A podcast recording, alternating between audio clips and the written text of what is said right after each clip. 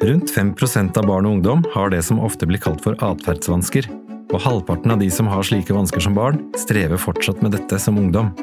Hva er det som gjør at noen ikke passer inn i rammene som er satt i skolesystemet og i samfunnet? Og hva kan vi gjøre for å hjelpe dem? Podkasten er produsert av Sped Ames, Senter for spesialpedagogisk forskning og inkludering, og er finansiert av Forskningsrådet.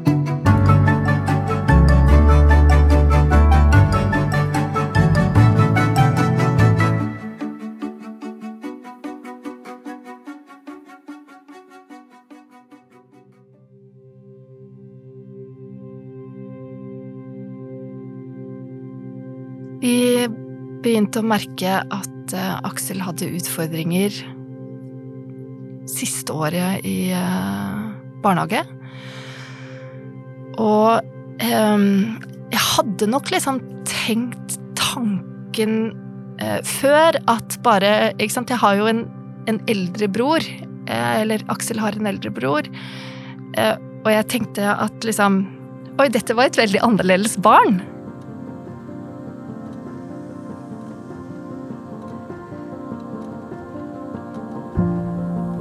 Siste året i barnehagen så begynte vi å, å merke situasjoner hvor han åpenbart liksom opplevdes som mer forvirra. Vi kunne komme inn i garderoben. Han hadde jo en fast plass i, eh, i garderoben. Vi merka liksom med en gang vi kom inn døra at for Aksel så var det veldig vanskelig å finne plassen sin. Barnehagen eh, fortalte oss også om på en måte episoder i, i barnehagen som, som ikke var liksom en sånn karakter at de var liksom sånn urolig, men som var litt sånn rart. Altså litt eh, litt annerledes. Vi merka det jo også på hjemmebane at, at eh, av og til kunne være et litt sånn det vi opplevde som et litt sånn ukontrollert sinne. Nå er jo ikke sant, det der, I den perioden så er jo det å være sint og det å liksom forstå seg selv og ja og nei og er jo veldig naturlig. Men, men liksom i sum så var det på det nivået at, at liksom vi fikk et, et møte med barnehagen, og så bare sa vi det som det var, at vi var litt sånn urolige. Så innkalte de til et sånn tverrfaglig eh, møte hvor vi bare ja, snakka sammen. Og så gikk det egentlig liksom greit. Eh, og så skulle hun begynne på skole.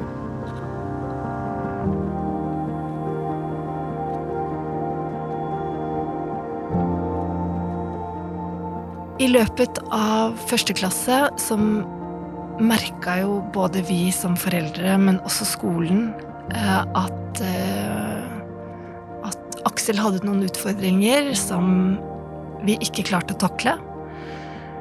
Og læreren hans eh, tok initiativet overfor oss eh, på å koble på PPT, eh, men også eh, etter hvert prøve å få en henvisning til, eh, til BUP. Og eh, vi var jo veldig sånn glad for det, ikke sant? Fordi altså, du føler deg jo ikke sant? Når du åpenbart barnet ditt sliter, så eh, så visste vi at vi trengte hjelp. Ikke sant? Vi trengte hjelp som foreldre, fordi vi, vi, vi, du føler jo på en sånn utilstrekkelighet. Og så ser du jo at barnet ditt ikke har det, har det bra. Um, og så sendte vi en henvisning sammen med skolen og, og fastlege til, uh, til BUP. Dette var i um, seks måneder etter at han begynte på, på skolen. Og da eh, fikk vi et, et et svar eh, etter, etter, en stund om at alt dette vi beskrev som utfordringer, kan være innenfor en normalitet. Og da, når vi fikk det svaret, og særlig den derre setningen at alt dette kan være innenfor en normalitet, det var liksom kanskje første gang jeg liksom kjente på et sånt slag i ansiktet. Fordi at, for at jeg tenkte at, at liksom, ok, hvis, hvis, dette er liksom det normale, hvis dette skal være det normale for Aksel, eh, og dette skal være det normale for eh, oss som foreldre, og for, eh, for skolen, eh, så er ikke det en normalitet eh, jeg klarer å henge med i.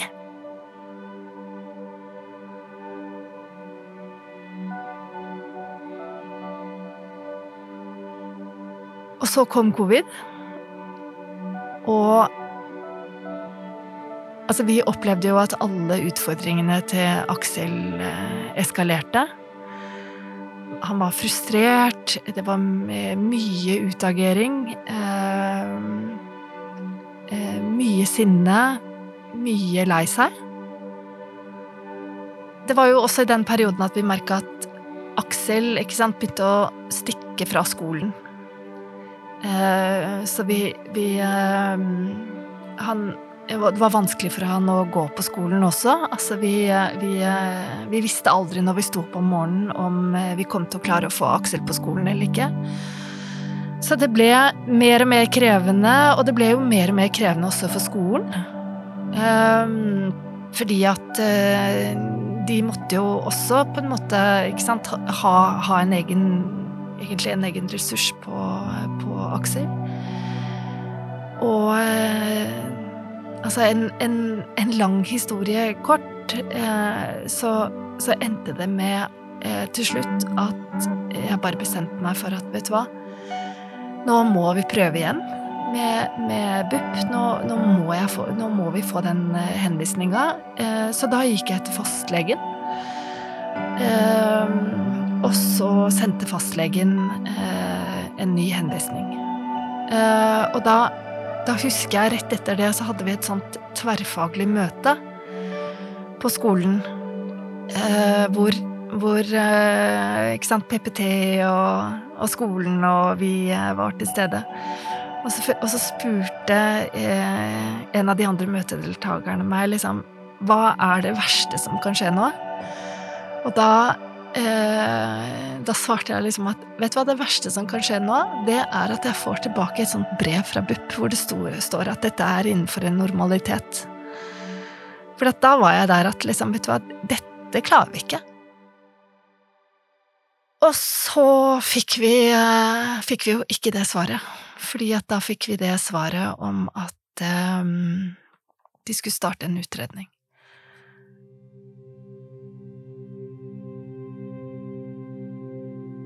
Når Aksel begynte på skolen igjen etter eh, sommerferien, så tok eh, skolen kontakt med oss eh, veldig tidlig i oppstarten av det året, eller den skoleåret, og eh, sa at eh, de ville bare informere oss eh, om et tilbud som kanskje kunne være bra for Aksel. Og det var noe de kalte en ny start, og som gjorde at Aksel kunne i en åtteukersperiode være på en eh, skole som heter Bruseth-Kollen eh, skole, som er en spesialskole.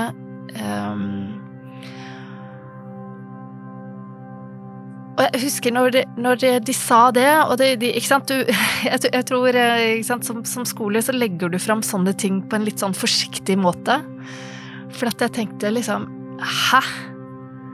Altså, er vi der? Nå starter vi liksom utredningsløpet på BUP. Ehm, skal vi bryte opp han nå og, og eh, sende han på en spesialskole? Vi gikk hjem, eh, leste, jeg spurte om liksom, kan, jeg, kan jeg få ringe og snakke med dem. Ikke sant? Det føltes litt sånn utrygt. Og også sånn ganske inngripende i et barns liv. Altså, det var kanskje det jeg kjente aller mest på. ikke sant? Altså, her skal jeg dra Aksel ut fra vennene hans. Eh, liksom det sosiale miljøet. Vi brukte en uke kanskje på å liksom tenke på det og, og snakke med Brusetkollen og, og, sånn. Og så eh, bestemte vi oss for, eh, jeg og mannen min, at eh, vet du hva? Um, her er det masse voksenpersoner eh, som kan dette. Som, eh, har, som, møter barn med noen av de samme type utfordringene som Aksel hver eneste dag. Eh, ja, dette er inngripende eh, for Aksel, eh, men eh, vi gjør det. Hjertelig velkommen til ny episode i Det virker. Jeg heter Fredrik Solli Vandem og er kommunikasjonsrådgiver i Spedames. I dag skal vi snakke om atferdsvansker, og den første gjesten jeg vil presentere er Helene Rasmussen, rektor ved Brusetkollen skole og ressurssenter. Velkommen. Takk for det. Eh, Helene, hva er Brusetkollen skole og ressurssenter for noe? Brusekollen skole det er en skole for elever med sosiale og emosjonelle vansker. Eh, Vi er et tilbud for Oslo-skoleelever, eh, og det er et tilbud til elever på barnetrinn. Vi har eh, ni faste plasser, og det betyr at elevene er hos oss for et år av gangen. Og så har vi eh, korttidsplasser, dette nystarttilbudet som Aksel var på. Eh, Vi er en skole, sånn at det, vi gir et fullverdig skoletilbud, men det er klart at vi har ekstra fokus på sosial og emosjonell læring. Vår andre gjest heter Terje Ogden, tidligere forskningsdirektør ved Atferdssenteret og Nasjonalt utviklingssenter for barn og unge. Velkommen til deg. Takk skal du ha. Atferdsvansker, hva er egentlig det, og hvordan utarter det seg? Ja, kjært barn har mange navn, og vi kvier oss litt for å sette merkelapper på elever som er vanskelig i skolen. Så kanskje like godt å si at det dreier seg om veldig sårbare elever, men eh, det som er kjerneproblemet rundt disse elevene er jo ofte at de er utagerende. Eh, Men i tillegg så er det mange som mangler skolemotivasjon og føler seg utrygge på skolen, så det er sjelden at det er et rent utageringsproblem, men det er mange ting de drar med seg, og de sliter med skolefagene. Da. Så det er, eh, det er mange ting som går i hop under den, den store rubrikken. og i skoleverket så er det jo veldig mange begreper i bruk eh, om disse elevene, og jeg vel aldri blitt presise på noen av dem, da, men man skjønner fort hvem det dreier seg om. Så man bruker ikke begrepet atferdsvansker, egentlig? Jo, noen gjør det, og noen sier atferdsproblemer, for problemet kan løses. Og så sier noen sosiale emosjonelle vansker, eh, utagering, eh, så det er, det er mange begreper i bruk, men hvis vi presser lærere eller skole på hva, hva det egentlig betyr, hva som ligger bak, så, så finner vi at eh, det er, det er lite samstemt, da, det de, de prater om. Men eh, som jeg sier, alle som har vært i skolen eller er i skolen, de ser fort hvem det dreier seg om. De barna som dere får inn på Brusetkollen da, Helene, hva slags atferd er det de typisk viser? Det som er typiske beskrivelser av det barnet strever med, det er eh, sånn som vi også hører i historien Maxel, at de er i konflikter med barn og, og voksne også, og at de da kan, eh, det kan være fysisk eh, og verbalt utagerende, det er det mest alvorlige. Det kan også være at de ja, viser frustrasjon og sinne i, i faglige læringssituasjoner. De kan vise unngåelsesatferd, stikke av fra skolen, som vi også får beskrivelser i, i, fra Aksel sin historie. Og så har vi også beskrivelser som går mer i, ja, i retning av skolevegring, og at de ja, unndrar seg og, og, og, og, har en mer sånn innagerende atferd, som vi sier da. Så det er et bredt spekter, spekter av det vanskebildet som beskrives. Og Det som er litt felles for disse elevene, er jo det vi kaller for reguleringsproblemer. Da. Så de klarer ikke å regulere seg i forhold til en dagsrutine, de klarer ikke å regulere seg i forhold til andre mennesker, og de klarer ikke å regulere, regulere sine egne følelser. Og Det skaper problemer er veldig avhengig av denne ytre reguleringen som, som, voksne mennesker og til deres medelever står for. Da. Men enten de utagerer eller inagerer eller har andre problemer, så er jo dette med å kunne regulere seg i en skolehverdag som jo mange av dem sliter med. Denne atferden som de, disse barna viser, vet vi noe om hva, hvilke årsaker det som ligger bak? Eh, vi vet ikke spesifikt hva som ligger bak, men stort sett er det en hel bukett av forhold. Så vi, vi ser på både genetisk eller medfødte, altså sårbarheten til barna. Vi ser på familieforhold, venner, skolesituasjon, undervisning. Og stort sett er en kombinasjon av alle disse faktorene som, som, slår ut. Så her må man jobbe på flere hold, så avhengig av at både skole og hjem samarbeider, og at lærerne samarbeider. Hvor vanlig er dette da? Hvor mange gjelder det? Nå har vi også problemer med det vi kaller for prevalenstall, men vi har noen estimater som kommer fra Folkehelseinstituttet, Skogen og Torvik, og de sier at ca. 4% av elevene i skolen har alvorlige atferdsvansker, sånn at de trenger hjelp. Eh, mer grovt regna, med de som liksom får hjelp av læreren sin, så sier vi ca. 10 av, av elevene er en utfordring for, eh, for, lærerne, men uten at vi da har nødvendigvis satt noen merkelapper på det, eller, eller på en måte diagnostisert disse vanskene. Det finnes jo en normalfordeling av barn og atferd. Hvor er det man setter det kuttpunktet for hva som gjør at det er et problem? Ja, Det varierer nok, men, men, det man ofte bruker er det vi kaller et standardavvik. Eh, det er jo en statistisk måleenhet, men når vi har denne normalfordelingskurven, da, så er liksom de barna som ligger helt i ytterpunktet der, som, som stort sett representerer den utfordringen som, som skole og lærer må jobbe med. Hva med kjønnsforskjeller, da? Er det noen forskjeller på det? Atferdsproblemer er et gutteproblem. Det er minst dobbelt så mange gutter som jenter. Eh, og så har vi lettere for å sette i gang tiltak for gutter. Altså F.eks. å plassere jenter på Brusetkollen, det er mange skoler som er tilbakeholdne med, og foreldre òg.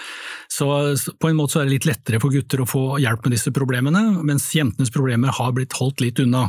Men det er ikke så mange jenter som har atferdsproblemer, eh, det, det, har vi mange eksempler på. Så deres problemer ligger kanskje mer på angst, depresjon, eh, psykiske helseproblemer, spiseproblemer og hjemmesitting.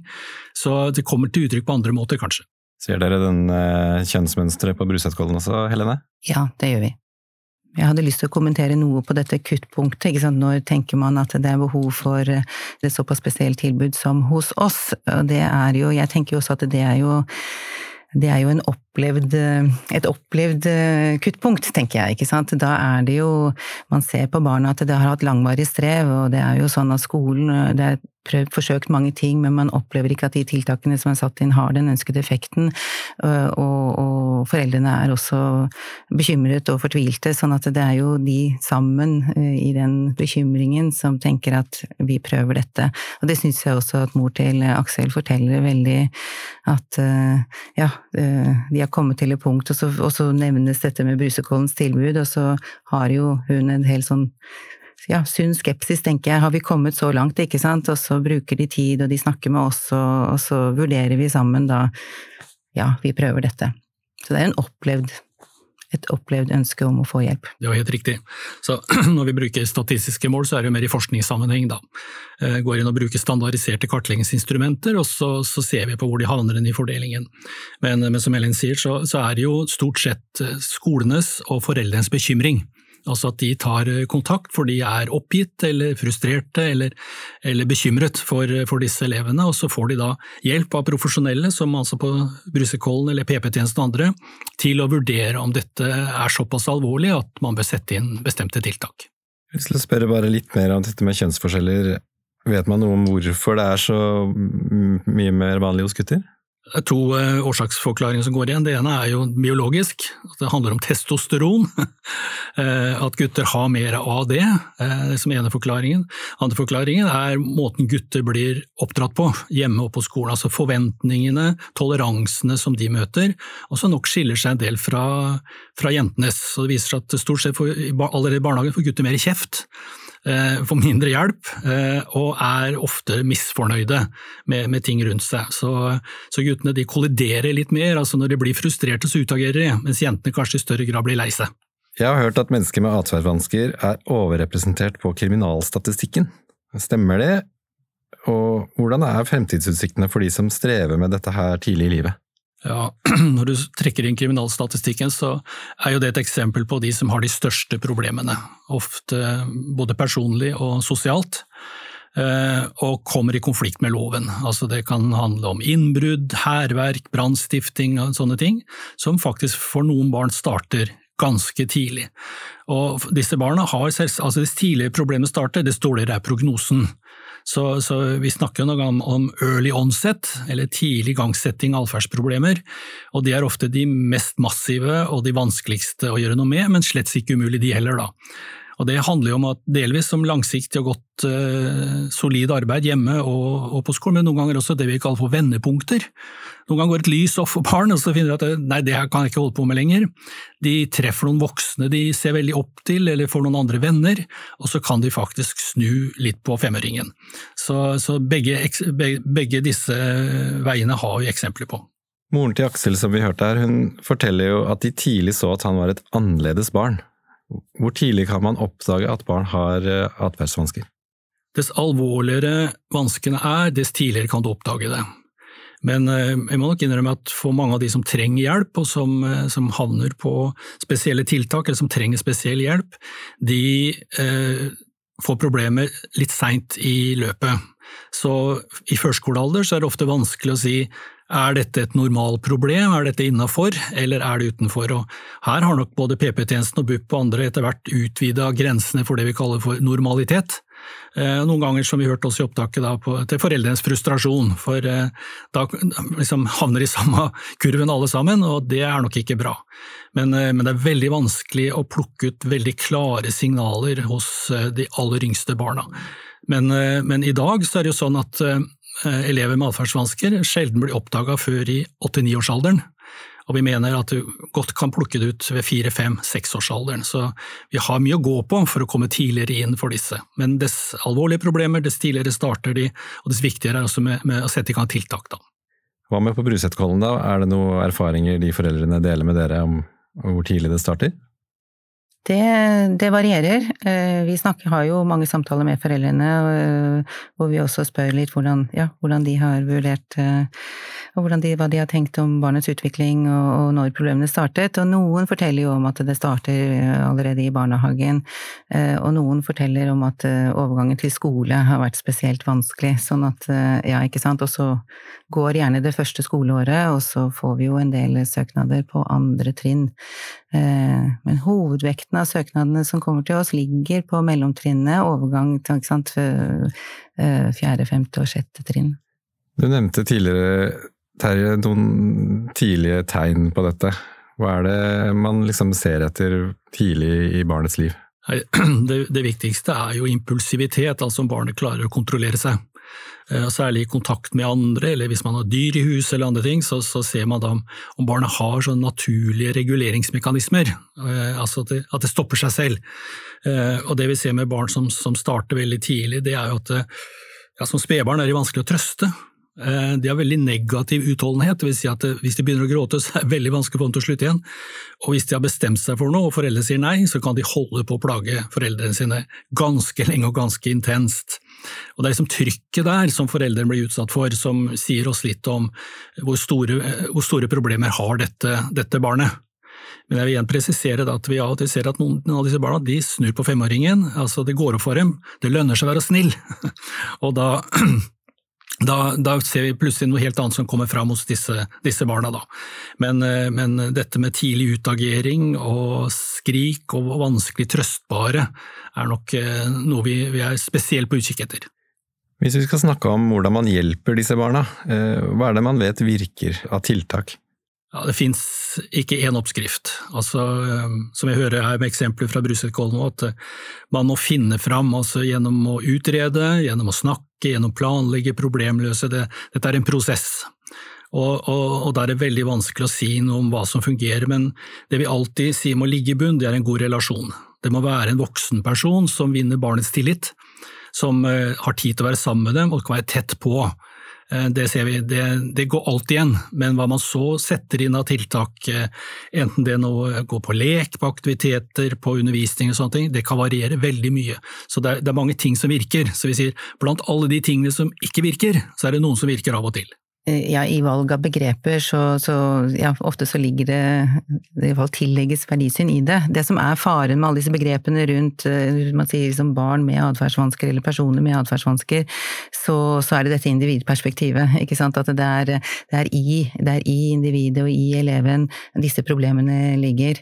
Eh, og så tenker jeg at det er veldig viktig å, å, å presisere at vi, vi har også en, ja, en systemisk tilnærming. tenker at eh, det er ikke sånn at man det kan være eh, ting i omgivelsene, eh, på hjemmearena, på skolearenaen eller på fritidsarenaen, eller noe de opplever som, at, som er igangsettende for at, de, eh, for at de får de vanskene de får, og det strevet de får.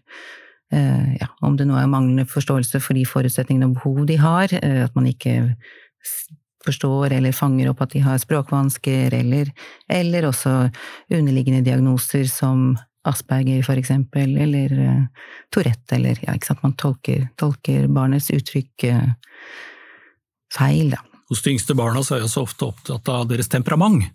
Vi har jo mye temperamentsforskning som viser jo at det er noen barn som har vanskelig temperament.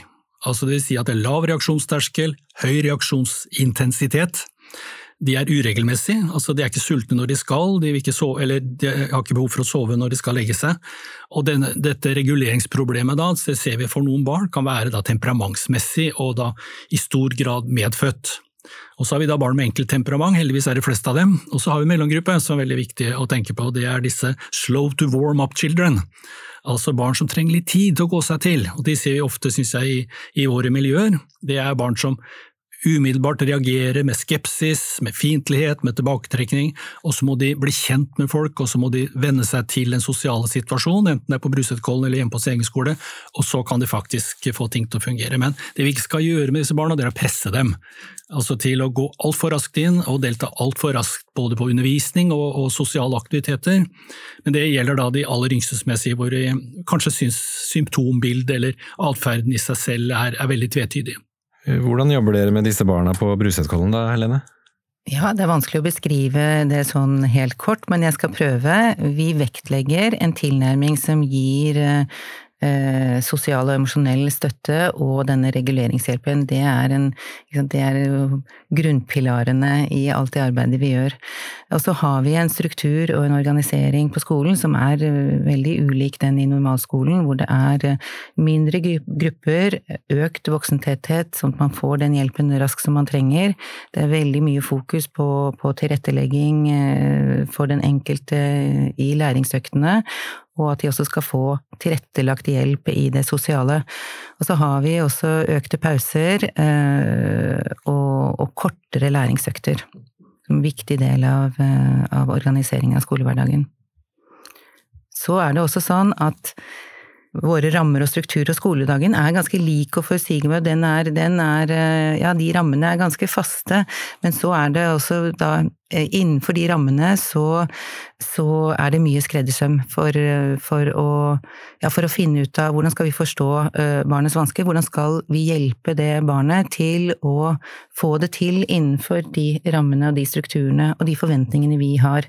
For det er en skolehverdag de skal klare, og de skal klare den i et sosialt fellesskap, og de vil måtte øve på det de ja, det de, de syns er vanskelig også. Hvordan ser en typisk skoledag ut på Brustadkollen? En typisk dag på Brussekollen, da kommer elevene til skolen eh, med eget skoleskyss, eh, taxier, eh, og til klokken ni. Da blir de møtt av de voksne, og alle blir hilst på når de kommer ut av taxien. Så leverer de fra seg mobiltelefoner og andre duppeditter som ikke skal være med inn i klasserommet, og så blir de fulgt til klasserommet.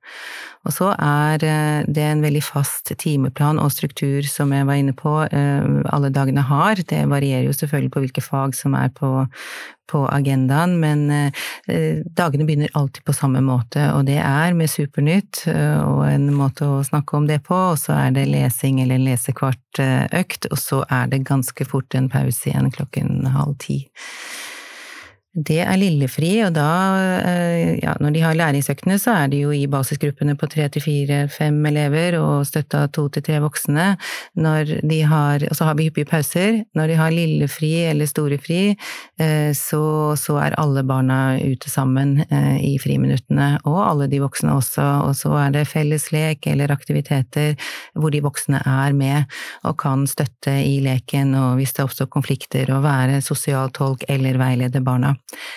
Det er sånn at eh, de teoretiske fagene de legges eh, til undervisningsøktene før lunsj, og etter lunsj så er det de mer praktiske fagene mat og helse, kunst og håndverk.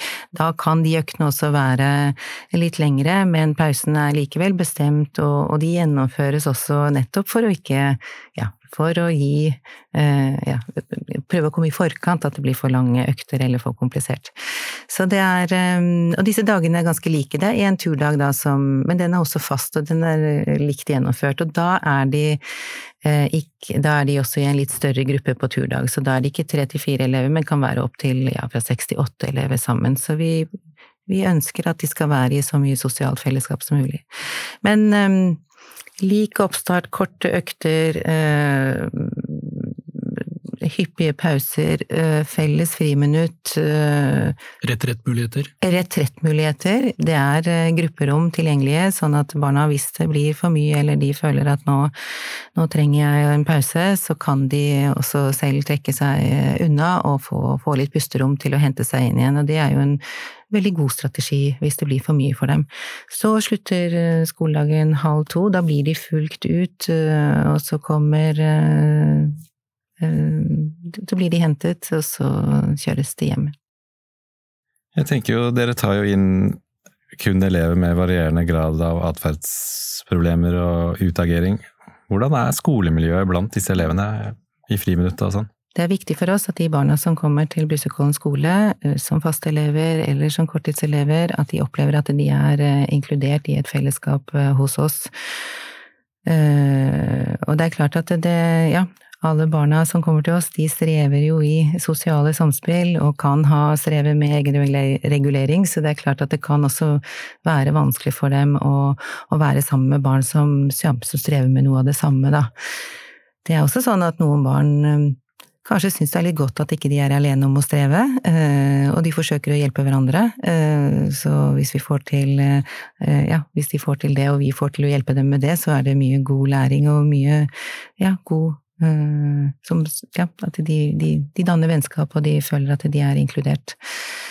Eh, jeg er spesielt stolt av at vi har jobbet veldig bevisst med, med friminuttene, og at vi da har fokus på at, skal, ja, da skal alle barna være sammen og leke sammen. Eh, de voksne er med og hjelper til, men da er det lek, og det er boksen går, eller de har ulike typer leker hvor de, hvor de mm, er sammen, alle sammen. Og det vet, vet vi at elevene setter veldig pris på, for det har de gitt eh, gode tilbakemeldinger på. Så vi prøver. Men det er helt klart at det også kan være belastende, og det kan være litt skremmende å se andres uttrykk, og det kan være ja, at det, dette er noe vi må jobbe med hele tiden. Et barn med atferdsvansker det kan jo være utfordrende i klasserommet, både for lærer og medelever. Hvor store vansker må et barn ha før man tenker at spesialskole er et alternativ? Ja, Det kommer helt an på hva hjemmeskolen har av ressurser og personer. Altså Noen skoler har eh, både ressursene og skal vi si, personene som kan takle disse elevene, og da skal det mye til. Andre skoler så si, er det dårligere lærerdekning, eh, det er et mer stressa miljø, kanskje veldig mange barn, og da blir kanskje terskelen noe lavere. Så det er veldig mye toleransegrensene på den enkelte skole som er med og bestemmer. Altså klarer vi å gi dette barnet tilbud? Og Noen det er veldig fint at skoler sier fra, beklager, men eh, med de ressursene vi har og, og det vi kan sette inn, så, så, mestrer vi ikke dette barnet, vi trenger hjelp. Så, så jeg er litt tilbake til dette med at atferdsproblemer er det man gjør det til, og det er veldig avhengig av skolekonteksten, og selvsagt uh, om de har foreldre som stiller opp. Uh, noen barn har jo veldig bevisste, veldig oppegående, veldig engasjerte foreldre. Det er vi stort sett veldig, veldig fornøyd med. Mens andre får mindre oppfølging av foreldre, og de foreldre er mye mer usikre i møte med skolen. Og Da har vi ikke så mye å spille på på foreldresiden, og det er lettere å henvende seg til og få hjelp fra, fra fagpersonalet på Brusetkollen eller PP-tjeneste eller andre steder.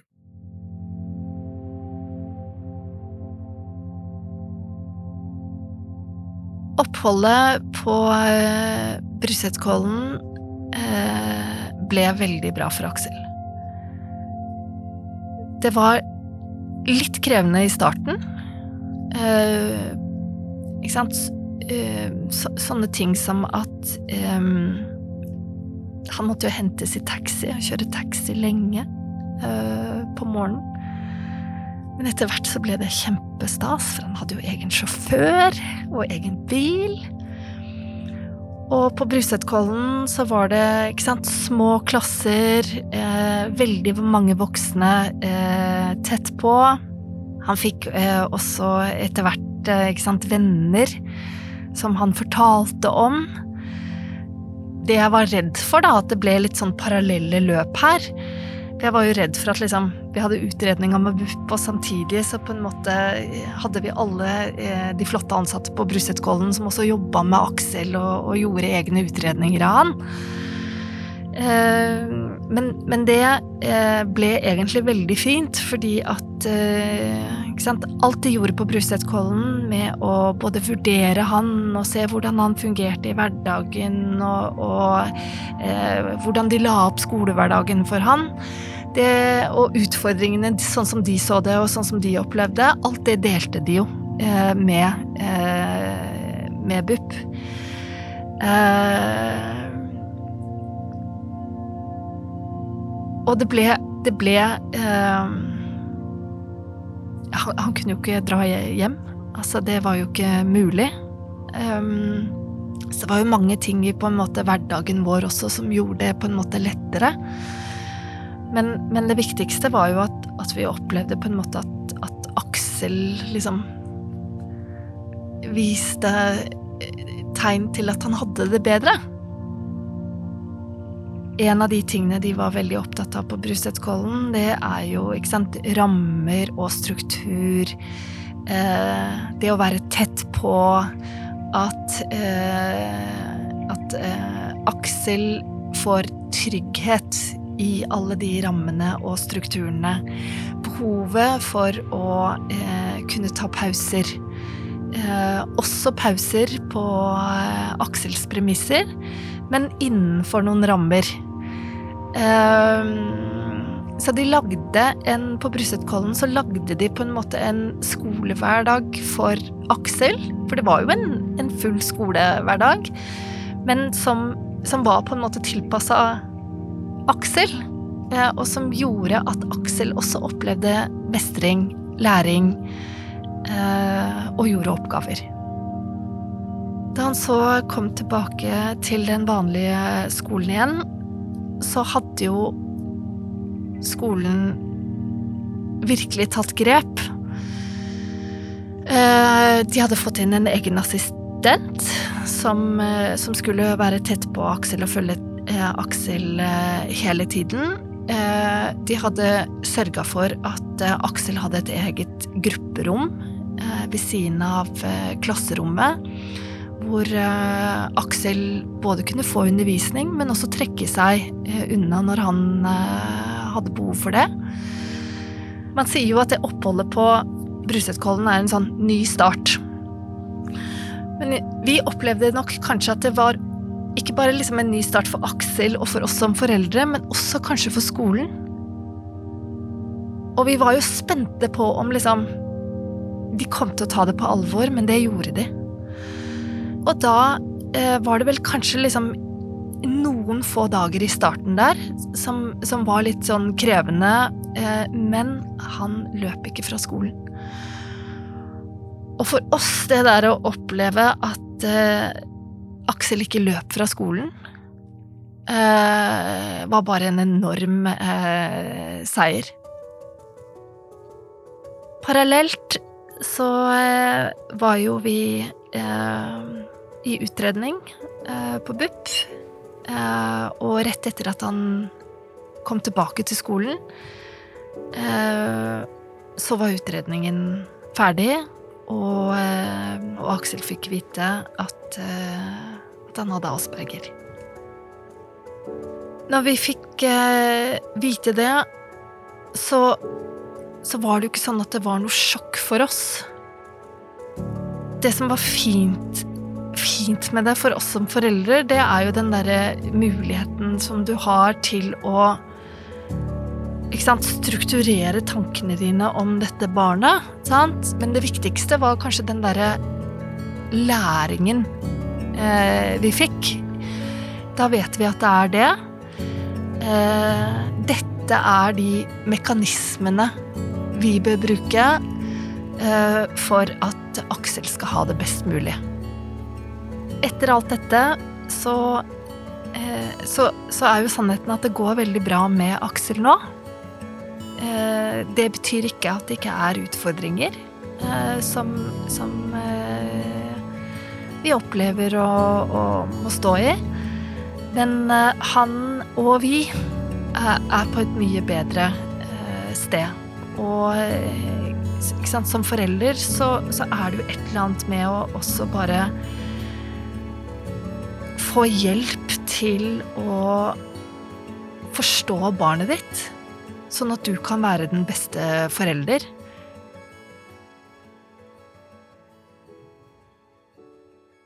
Som vi hørte her, så viser det seg jo at Aksel hadde asperger. Hva er egentlig det for noe, Terje? Nei, Det er en del av det vi kaller for autismespekteret, som jo eh, rommer veldig mye, men egentlig så blir asperger ikke brukt lenger som diagnose. Det, I disse diagnosemanualene så går det nå inn under autismesyndromet. Men eh, for å si det litt mer folkelig, så er, sier vi det er høytfungerende autister. Det vil si at de f.eks. kan lære veldig godt, flinke til å lære seg ting utenat, men eh, to andre ting som er veldig typisk. Det ene er at de er veldig klossete i sosial samhandling. Altså de er ikke flinke til å skaffe seg venner. Eh, de skjønner ikke ironi. Eh, de skjønner ikke at barn kan si noe med noe annet. Eh, og, og de blir litt hjelpeløse i det. Og så har de en tendens til å bli veldig opptatt av enkelte ting. Noen er veldig opptatt av vann, noen er opptatt av å samle på ting, eller hva de har av spesialinteresser. De kan gå voldsomt inn i det, og i sånne situasjoner er de veldig lite interessert i omgivelsene. Og det vi kan merke det veldig tydelig på, uten at det er helt entydig, det er at de unngår veldig øyekontakt. Altså de liker ikke å se mennesker i, eh, i ansiktet. og så når vi snakker til dem, så er de ikke noe flinke til å bruke pauser. Altså Noen ganger så blir de venter veldig lenge, så det blir nesten sånn vi hjelper dem i gang. Men det kommer, så bare vær litt tålmodig. Så det er, er barn som, som, strever med kontakt både med lærere og medelever. Er det vanlig at Asperger viser seg på den måten som moren til Aksel forteller her? Ja, men uh, sammenlignet med andre former for autisme, så er det ofte at det går litt tid før man oppdager det. Så det at uh, BUP her i første omgang mente at det var innenfor normaliteten, det var sikkert ubehagelig å høre, men, det er faktisk ikke så uvanlig at de høyt fungerende barna i, dette området, de oppdages senere. Så vi sier det mer alvorlig autismen er, altså det vi kaller for infantil barneautisme, det oppdager vi veldig tidlig. Altså Det kommer signalene veldig tidlig hos spedbarna, men hos disse barna de har god språkutvikling, de kan takle mange av hverdagens oppgaver, men etter hvert som kontakt med andre barn, altså den sosiale kontaktflaten utvides, så kommer deres problemer mer til uttrykk. Og Det er vel det vi følger det bildet her, så jeg tror det er, det er ganske typisk. Og så er det også veldig eh, viktig å legge merke, syns jeg, da, som jeg i hvert fall eh, noterte meg, det var jo at eh, Aksel hadde noe raseriutbrudd, men hjemme. Så, det ser ut som altså Han klarer på en eller annen måte da, eller får hjelp til å regulere seg bedre på skolen enn det han gjør hjemme. Så raserianfallene de kommer hjemme. Og Det er stort sett eh, et signal om at de blir overbelasta. Altså enten at det blir stilt for store krav, de føler seg usikre i situasjonen, og det er en tilbakemelding fra disse barna om at nå, nå, nå er jeg ikke riktig, eh, riktig på plass. Hva gjør dere på Brusetkollen da, for å tilrettelegge og hjelpe barn med asperger? Ja, først så vil jeg si at, eh, at den, de rammene og de strukturene og den, eh, den, eh, organiseringen av skolehverdagen på Brusøykollen er egentlig et veldig godt tiltak i seg selv for barn med asperger. Det er en veldig forutsigbar og gjentagende og ganske like skoledager, og det er jo også et høyt fokus på å sikre alle overganger, og at man får veldig støtte av voksne både i læringssituasjoner, hvis det er ting som er vanskelig der, men også i det sosiale. Så er det jo sånn eh, som Terje beskrev, at mange av dem eh, trenger hjelp eh, i forhold til Altså til at de voksne kan være sosiale tolker. Vi kan bruke Vi kan for noen bruke sosiale historier og en del sånne metoder for å hjelpe dem til å ja, forstå andres perspektiv, eller ja, hva som skjedde i leken, og, og hva som kan gjøres for å unngå det. For å få elevens stemme om hva eleven selv opplever som vanskelig, og ønsker hjelp til i skolehverdagen, så så bruker vi et kartleggingsverktøy som heter IVAS, eh, hvor de kan få gi uttrykk for hva de tenker er vanskelig eh, i fagene eh, eller i det sosiale. Og I oppholdsrapporten eh, som, eh, som, vi skrev etter at Aksel hadde vært hos oss, så, så er det Aksels stemme også representert med hva han tenker helt spesifikt, hvilke ønsker han har og hvilke behov han har for at det skal bli lettere for han å være på nærskolen. Moren til Aksel hun forteller om et godt tverrfaglig samarbeid hos dere på Brusetkollen. Hvordan gjør dere det? Det er helt avgjørende for at vi skal få kunne gjøre en god jobb, at eh, vi, at vi mm, legger til rette for et eh, tverrfaglig samarbeid. Eh, og vi er nok mer enn vanlig pådrivere for å få det samarbeidet opp og gå, og at det blir et forpliktende samarbeid den tiden hvor elevene er hos oss, og at det blir fulgt opp, sånn som i korttidssakene, da at det også følges opp når barna er tilbake på nærskolen. I det tverrfaglige samarbeidet så er det jo selvfølgelig eh, veldig ofte koblet på instanser, hjelpeinstanser som BUP, barne- og ungdomspsykiatrien og PP-tjenesten og barnevernet.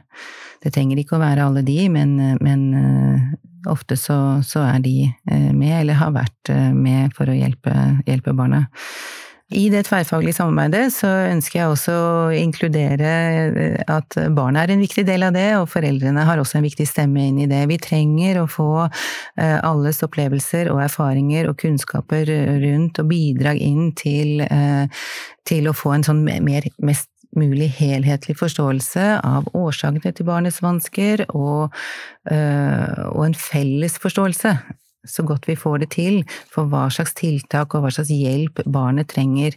De trenger kanskje noe hjelp på hjemmebane, kanskje foreldrene trenger noe hjelp til hvordan det, de kan ja, endre et uheldig samspill med barnet sitt, kanskje trenger skolen mye hjelp, der er jo vi, der er vi på, vi hjelper i overføringen fra vår skole til nærskolen, og kanskje trenger eh, det videre utredning eh, fra BUP eh, eller ny sakkyndig fra PP-tjenesten, så vi må ha alle med, og vi trenger å skape en felles forståelse og en felles retning for å hjelpe barnet videre, ikke bare i oppholdet de er eh, under den tiden de er på Brusekollen, men veldig Denne endringen hos barnet som vi ønsker, den skjer jo ikke på de åtte ukene barnet er hos oss. Er, vi har langsiktig perspektiv eh, på det.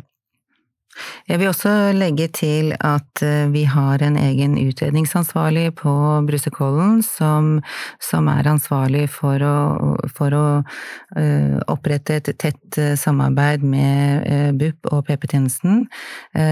Og mor nevner jo at hun er redd for at det skal være sånne parallelle løp, at, at BUP er i gang med en utredning, og så er vi i gang med helt, en helt annen utredning. I dette tilfellet så er det et samarbeid. sånn at eh, ja, I Aksels tilfelle så var dette et veldig tett samarbeid. At de, de kartleggingene og de, eh, ja, det utredningsarbeidet som ble gjort på Brusekollen, det var i avtale med, med BUP. Eh, og så supplerte jo vi selvfølgelig med da andre eh, pedagogiske kartlegginger hos oss, og, og, og, og også våre vurderinger og, tanker om hans fungering og hans behov i skolehverdagen. Så det ble en del av en Ja, vi tenker jo på det som et samarbeid, og veldig viktig at det ikke blir parallelle løp. Vet vi noe om hvem det går best med i livet? De som går på vanlig skole, eller de som går på spesialskole? Det er ingen fasit på. Vi har gode resultater fra spesialskoler, og vi har gode resultater fra vanlige skoler. Så det, det er også et, et, veldig åpent spørsmål, og godt man lykkes med de tiltakene en, en setter inn. Men det som er veldig eh, klart, det er jo at det politiske mandatet her, det har blitt gjentatt og forsterka opptil flere ganger at vi skal ha en inkluderende skole. Og det vil si at flest mulig elever skal gå mest mulig i sin egen klasse ved sin egen skole. Og vi bør helst ikke flytte verken ut av klassen, ut av skolen eller over på spesielle institusjoner eller skoler. Og det er klart det er en, en, fin politisk målsetting, vi skjønner jo poenget med den, men i det praktiske liv så ser vi at vi trenger jo disse alternative opplæringsarenaene, og de blir brukt. Så, så si, ser vi ut i virkelighetens verden, så er vi langt fra der at vi klarer å skape en inkluderende skole for, for alle. Helt til slutt, hvis man som foreldre sitter der og tenker det er noe med barnet vårt, hva bør de gjøre for å få hjelp? Jeg vil si snakk med barnets lærer. Fordelen som både barnehagelærere og skolelærere har, det er at de ser mange barn. Så de ser en klasse på 20, noen ganger opp til 30, og så ser de barn i forhold til hverandre. Da er de omtrent like gamle, selv om det kan være noen aldersforskjeller, og så ser de barnet i forhold til andre barn. Så begynn der, og pluss at de fleste lærere har et godt kontaktnett eh, via sine rådgiver, PP-tjenesten osv., og, så og kan fortelle foreldrene hvem de skal henvende seg til, og hva de kan gjøre i saken. Så hvis man har et rimelig godt og tillitsfullt forhold til, til barnets lærer, så vil jeg starte, og anbefale dem å starte der. Hvis man får sånn et avslag eh, hos BUP, sånn som de opplevde, og man er veldig uenig, hva kan man gjøre da? Nei, da kan man klage. Og det fins klagemuligheter å be om en second opinion, altså få en, en ny eller annen vurdering. Så, så foreldrene skal ikke skal si, eh, skrinlegge sin fornuft eh, i dette, og så stole også på sine egne reaksjoner og sin egen bekymring. Så, så da er det bare å stå på, og det vet jeg, det, det er ikke lett, men det er veldig viktig da, at, at man får de klare svarene som man trenger, og også en begrunnelse. Jeg syns jo det er veldig gledelig å høre om saken Aksel. Den er et eksempel på at vi får dette samarbeidet til å fungere mellom institusjoner som har høy kompetanse, høy kapasitet og vanlige skoler. Og min bekymring er selvsagt at det er altfor få elever som har eh, de problemene som vi hører om Aksel, som får denne hjelpen. Som har foreldre som står på, som har et flott kompetansesenter å spille på, og en forståelsesfull hjemmeskole. Dessverre er virkeligheten i norsk skole at man ofte er underbemannet, og at disse kommunikasjonslinjene ikke fungerer. Så mitt ønske er jo at det er flere eh, enn Aksel som skal kunne få denne faglig kyndige og veldig gjennomarbeida eh, tilbudet. Tusen takk, begge to. I denne episoden har vi snakket om atferdsvansker. Gjester i studio har vært seniorforsker Terje Ogden og rektor ved Brusetkollen skole, Helene Rasmussen. Denne podkasten er produsert av SpedAmes, Senter for spesialpedagogisk forskning og inkludering. SpedAmes er finansiert av Forskningsrådet og er et samarbeid mellom Universitetet i Stavanger, Universitetet i Agder, Nord universitet, Universitetet i Bergen og Universitetet i Oslo. Takk for at du hørte på.